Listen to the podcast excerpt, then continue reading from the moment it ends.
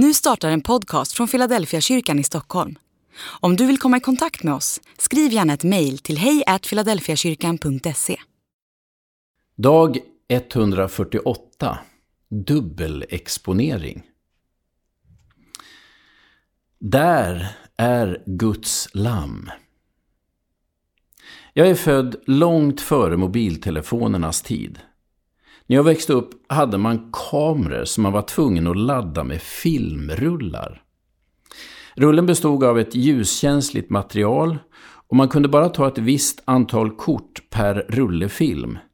Mellan varje kort var man tvungen att dra upp kameran så att den ljuskänsliga filmen flyttade sig en liten bit. Om man hade otur hände det att filmen hakade upp sig eller slirade och då kunde man få en så kallad dubbelexponering. Vilket betydde att man fick två kort ovanpå varandra. Man kunde alltså få en naturbild i botten och ett familjefoto ovanpå. Ibland blev det bara grötigt men då och då blev det faktiskt riktigt spännande bilder. Två motiv från helt olika tidpunkter och situationer hamnade i samma bild. Jesu sista måltid tillsammans med sina lärjungar är precis som en sån där dubbelexponering. Det är två motiv från olika situationer som hamnar på samma bild. Den första bilden handlar om den påskmåltid som man firade till minne av befrielsen från slaveriet i Egypten.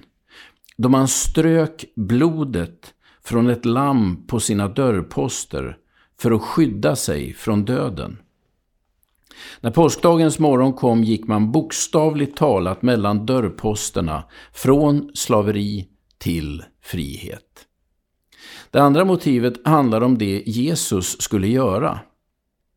Medan de åt tog Jesus ett bröd och efter att ha läst tackbönen bröt han det, gav åt sina lärjungar och sa Tag och ät, detta är min kropp.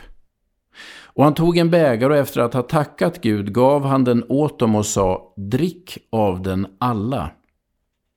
Detta är mitt blod, förbundsblodet, som blir utgjutet för många till syndernas förlåtelse.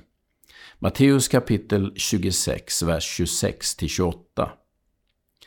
I det vi numera kallar för nattvarden utpekar Jesus sig själv som Guds lamm. Genom brödet och vinet säger Jesus att han är det nya lammet, Guds lamm, som ska befria oss från syndens slaveri och rädda oss från döden.